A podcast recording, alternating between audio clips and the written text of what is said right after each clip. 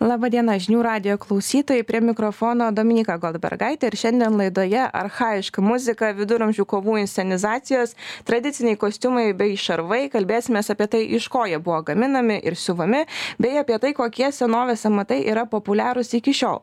Atsakysime į klausimą, ar lietuviai vis dar domisi savo senovės istoriją.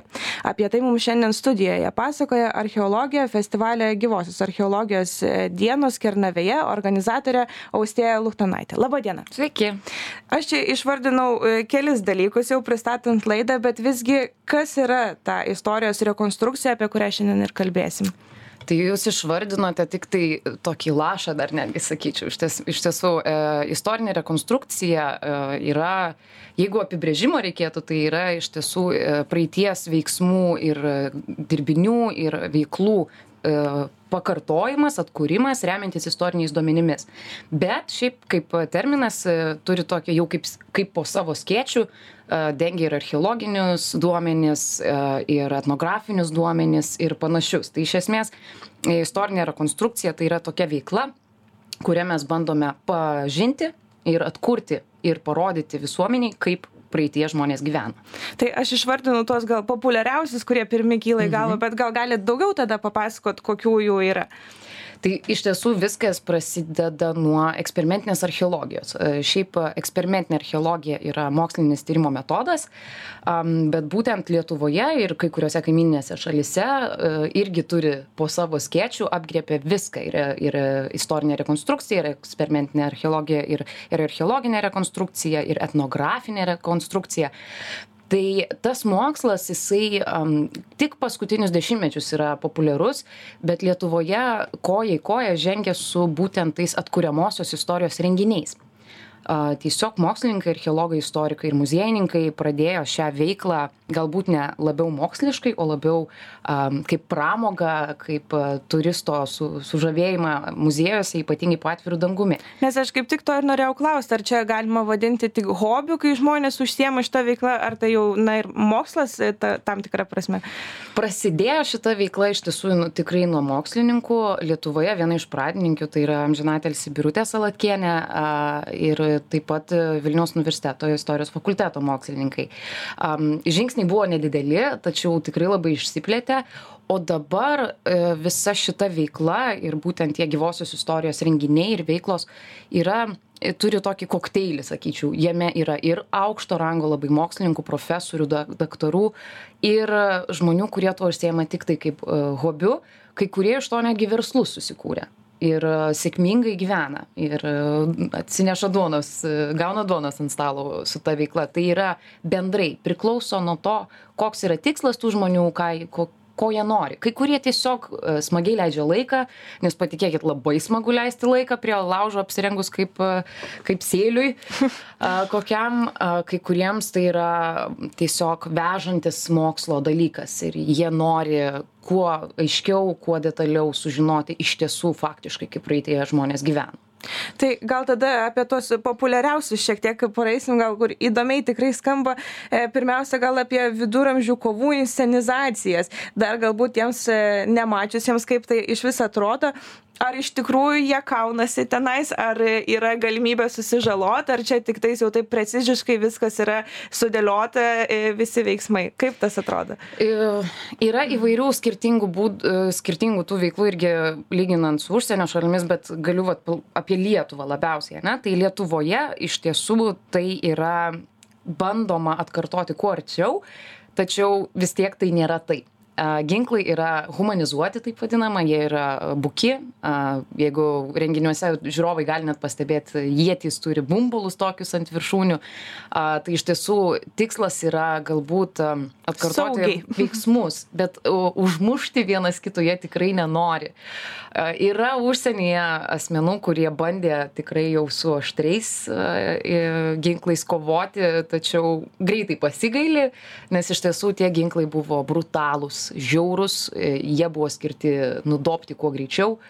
Tad Lietuvoje tai labiau yra jau tokia inscenizacija, tačiau tai tikrai yra paremta istoriniais kažkokiais tai faktais. Yra daromi ir, sakykime, tyrimai ginklų, kaip jie archeologiniai jau randami, kur jų susidėvėjimas sakykime ir rekonstruktoriai ima šią informaciją ir bando tai atkartoti. Nes ir norėjau klausti iš ko mokytis e, tų kovų meno nes na kaip ginklai atrodė tai suprantu galim rasti atkartoti e, padaryti bet e, patie patys tie judesiai ir tas visas vaizdas iš ko iš ko tas na iš ko yra mokomasi tai dalis yra mokomasi iš archeologinių radinių vat kaip jau apie sakykim kalaviją pasakiau yra vienas buvo kolegų lenkijoje darytas eksperimentas su skydais taip pat.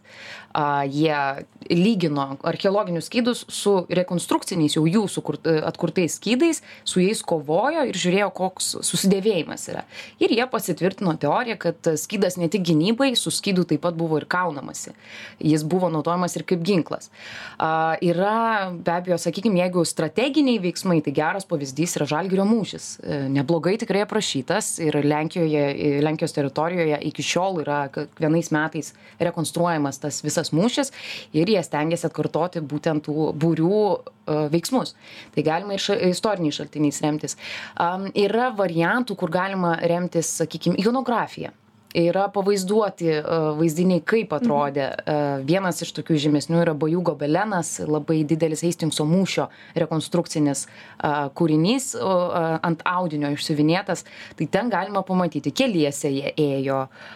Gali pastebėti kad ietys ten ar iš viršaus ar iš apačios kur stovi ietininkas kur kur kur kur galbūt lankininkai stovi.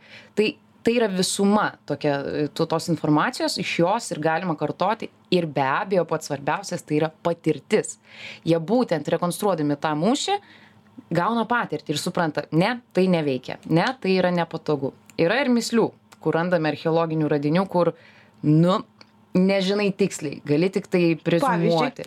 Pavyzdžiui yra kuršių koviniai peiliai labai tokie įdomūs. Sakyčiau jeigu e, paprastam žmogui kad suprasti tai tarp kalavijo ir durklo. Toks per vidurį. Tikrai ne ūkinis daiktas mes tikrai bandėm paprasčiausius eksperimentus pasidaryt kaip atsipjaut dešrą tai nelabai nepavyksta bet kaip ginklas tikrai jisai yra sunkus aršus skirtas e, skirtas nudobt priešą bet jų vat kaip ar tai yra paskutinis jau e, šansas griebtis to durklo to peilio kovinio ar ar ar ar jisai yra kasdienis galbūt savigynos ginklas kadangi nedidelis bet ir ne per mažas yra sunku pasakyti nemaža dalis e, tos kovos inscenizacijos atrodo yra ir na visi apriedai taip vadinami kostiumai e, kur lietuvoj pasisiūti tokį kostiumą kiek užtrunka jį pasisiūt? Šiaip didžioji dalis karių gaminasi kai kuriuos e, šarvus patys kadangi jie patys geriau žino kaip tai daryti. Ir ekipuotės dalys yra užsakomos pas kitus amatininkus būtent tuos kurie specializuojasi irgi rekonstrukcijoje. Tai jeigu reikia metalo kažkokių tai dalykų be abejo eini pas kalvį. O turime nemažą kiekį ir odos specialistų kurie gali tiek batus pagaminti tiek pirštines kurios šiaip yra tiktai šiuolaikinėj jau rekonstrukcijoj naudojamos nes visgi turiu vat pripažint įmanoma susižeisti labai lengvai ir tikrai kiekvienoje rekonstrukcijoje bus sužeidimas kažkoks. Na jie yra lengvesni tikrai ne ne jau kritiniai bet vis tiek jie įvyksta. Ar ar ten prasikirtimas antakio būna dantys iškrenta būna būna rankos linksta a tai jie šiek tiek daugiau naudoja negu realybėje tai buvo. Vienas dalykas ko galbūt irgi turistas pavyzdžiui stebintis mūšį nepastebės tai didelė dalis karių po istorinę šarvuotę sakykim laiko e, užsidėję yra motociklininkų apsaugas. Tai yra būtent va tos vietos jos kenčia kurios kenč mūšio metu rekonstrukcinio kaip ir baikerių sakykim kritimo metu. Ir jie dažnai dažnai tai naudoja. Tai žodžiu tokių paslapčių paslėptų yra šitoj visoj inscenizacijoj nes ne nes jeigu nesinau ne ne nesisaugosi tai gali būt paskutinis mūšis. Nes vis dėlto šitiem kariam po renginių po pasirodymų reikia grįžti į savo šeimas į darbus paprastus. Ir na jie turbūt norėtų kad veiktų visos galūnės ir ir nebūtų tiek daug randų. Tai jūs sakot vieni turim ir odininkų, kurie dirba, ir kalvių, tai kažkaip tarpusavyje bendradarbiauja tie tokie istorijos atkuriai vieni, kurie moka amatus, padeda tiems, kurie inscenizuoja kovas? Be abejo, visi e, istorinės rekonstrukcijos amatininkai, e, jie visada bendradarbiauja. Ypatingai jeigu tai yra kažkoks tai kolektyvinis produktas, sakykime, skydas, ne? tai karys žino, konkrečiai koks jam yra dabar reikalingas žiūrint irgi ar jisai dabar jį rekonstruosis e, šiuolaikinei kovai ar tai yra muziejaus sakykim užsakymas kur reikia tikslios kopijos nes tiksli kopija jau šiuolaikiniam žmogui netiks. Tai yra bus jau per mažas vis tiek žmonės didesni šiais laikais. Tai sakykim ten reikia ir medienos ir kalvystės ir odos darbų. Na ir šitie visi amatininkai jie sujungia jėgas ir rekonstruoja tą daiktą bet e, ar sunku gauti tų medžiagų? E, ar jos yra tokios pačios e, kaip ir anksčiau būdavo ar visgi kažkokio metalo ar tam tikros odos dabar yra sudėtingiau rasti? Lygiai taip pat kaip ir tais laikais tai yra nepastovu vienais laikais yra pigiau kitais laikais yra brangiau. Be abejo išgauti geležį šiais laikais yra daug paprasčiau. Nuvažiuoji ir nusiperki o tais laikais kalvis turėjo eiti kasti rūdą ją išdirbinėti deginti kaitinti kalti. Tai yra didelis ilgas procesas. Ir mes tų tokių šaltinių geležies ne ne per daugiausiai irgi turime. Kokybiškos jau tos pačios labia labiausios. A oda sakykim prieš kokius dešimt metų buvo tikrai tikrai daug pigesnė negu dabar. Dabar odininkai kai vat prie laužų pasikalbam jie šiek tiek nuliūdę yra sakę kad ar gresia netgi galbūt amatui pabaiga vien dėl to kad oda yra taip išbrangusi kad išbrangsta ir jų dirbiniai ir tiesiog ir rekonstruktoriai ir kiti pirkėjai gali to nebeįpirkti mes be abejo dirbtinės odos dabar e, kur kas pigiau turbūt dirbtinė oda yra tikrai kur kas pigiau tačiau žinokit nei vienas rekonstruktorius padorus nedrįs jos naudoti. Mums yra svarbu kad tai būtų ne tik tikra oda bet dar ir natūraliais būdais išdirbta. Jie yra ganėtinai orientuoti į detales visi ir ir jeigu tai yra audinys sakykim koks nors vil vilna ar ar linas ar dar panašu pana panaši medžiaga amatininkai norės kad tai būtų rankom dažyta natūraliais dažais dažyta. A nes na tai tiesiog rodo jau kad tu esi tikrai kokybiškas rekonstruktorius. Tai kalbant apie tuos e, tradicinius senovės amatus galbūt kurie jums atrodo na tokie įdomiausi kur e, paprastam žmogui gal ir nežinosi kad tokie dar yra įdomiausias amatas man visi yra ypatingai įdomūs aš niekada negalėjau išskirti kažkokio vat kuris yra pats įdomiausias a vien dėl to kad mm, jų kažko kiekvieno amato kažkokia detalė yra įdomiausia. Man pavyzdžiui kalvystėj yra įdomiausia tai ką jie gali pasakyti iš po to iš tų iš naujo pagamintų dirbinių. Vienas pavyzdys yra kniedė. Atrodo toks neįdomus dalykas kniedė.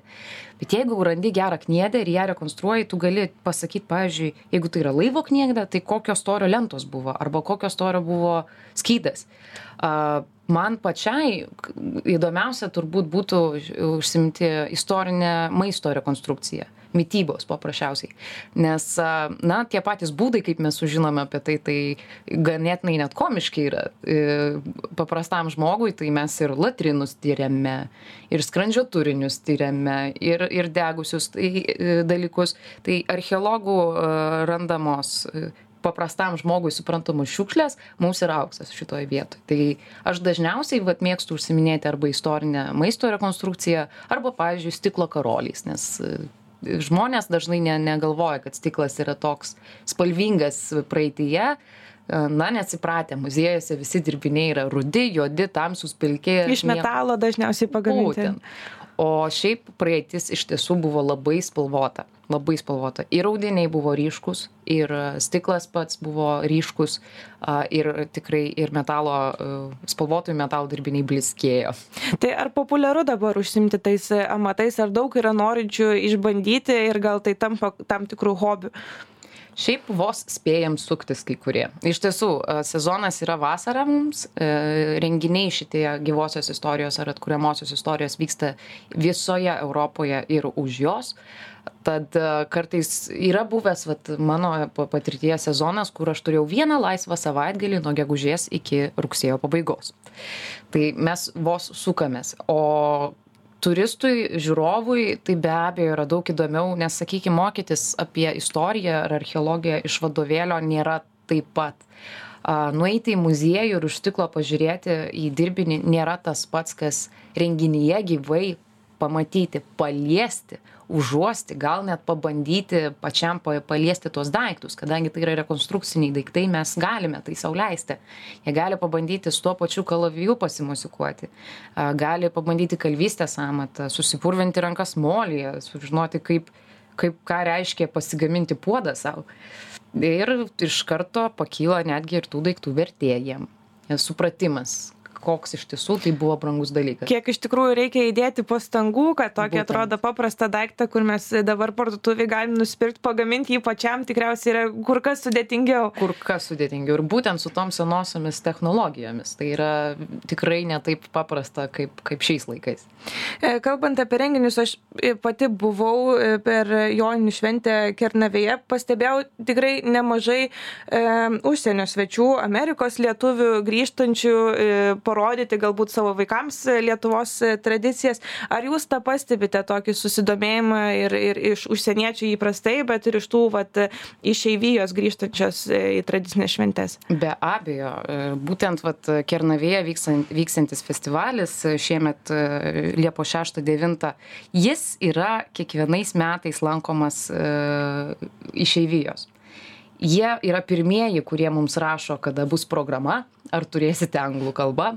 E, praneša kada jie atvyks nes tai yra turbūt galėčiau drąsiai sakyt unikaliausias renginys lietuvoje kuris pažindina su praeities mokslais. Tai yra jų geriausia galimybė prisiliesti prie tokios senos praeities jų protėvių. Be abejo gali kažką paskaityti etnografinius muziejus aplankyti bet tai yra labai negili istorija. O būtent gyvosios archeologijos dienose mes kalbame apie akmens amžiaus istoriją. Tai yra labai labai gili istorija. Ir būtent išeivija yra labiausiai suinteresuota kada kadangi pati buvusi esu emigrantė, tris metus mokiausi užsienyje ir labai padidėja ta meilė savo, savo šaliai, savo žemiai, savo istorijai. Kažkodėl Vilniuje gyvenant čia dabar, aš ant sienos ne, kažkaip nekyla noras kabintis vėliavos, na tik per valstybinės šventes. Žinokit, pirmas dalykas, ką mes padarėm su kambariokais, kai gyvenome užsienyje, tai pasikabinom vėliavą ant sienos. Tiesiog, vad, traukia. O kalbant apie lietuvius, ar domisi dar lietuviai, ar didėja tas susidomėjimas, ar mažėja e, šitais e, amatais, turbūt daugiausiai arba inscenizacijom. E, ką apie tai turit pakomentuoti? Tikrai, tikrai domisi ir tikrai sunku pasakyti, ar smarkiai didėja, bet kadangi vat, pastarėjai trys metai buvo tokie šiek tiek sudėtingi mum ir, ir su pandemija ir visa kita, tačiau žmonės grįžta ir dar atsiveda tetą ir dėdę. Tai nes esu pati pastebėjusi iš daug festivalių kad e, ir tie patys lankytojai atvyksta ir kiti lankytojai atvyksta ir atsiliepimai yra nuostabūs ir ypatingai vaikai kadangi vaikams sužadinti susidomėjimą šiais šiuolaikiniais laikais ekranų yra sudėtinga. sudėtinga. Konkuruoti su e, greitai besikeičiančiais vaizdais tai, tai yra be abejo. Ir yra momentų tikrai tokių pati, va, iš savo patirties atsimenu, mes stovime, pasakojame kažką, rodome kažką ir vaikai sėdi telefonuose tada pribėgi prie tų vaikų. Visas festivalis ant to ir dirba. Mes pribėgam prie tų vaikų sakom o dabar telefonus į kišenę dabar imk šitą pagalį su šita virve ir sukam. Ir tu juos mokini archajiškų žaidimų. Žinokit paslepia tuos telefonus. Tai reiškia mes vis dar laimim. E, O kalbant apie tos amatininkus, sakot, dėdės tetas atsiveda svečiai, bet e, ar amatininkai kažkaip ar tai tampa tokiu šeimos tradicija užsiimti e, tam tikrų amatų? Be abejo.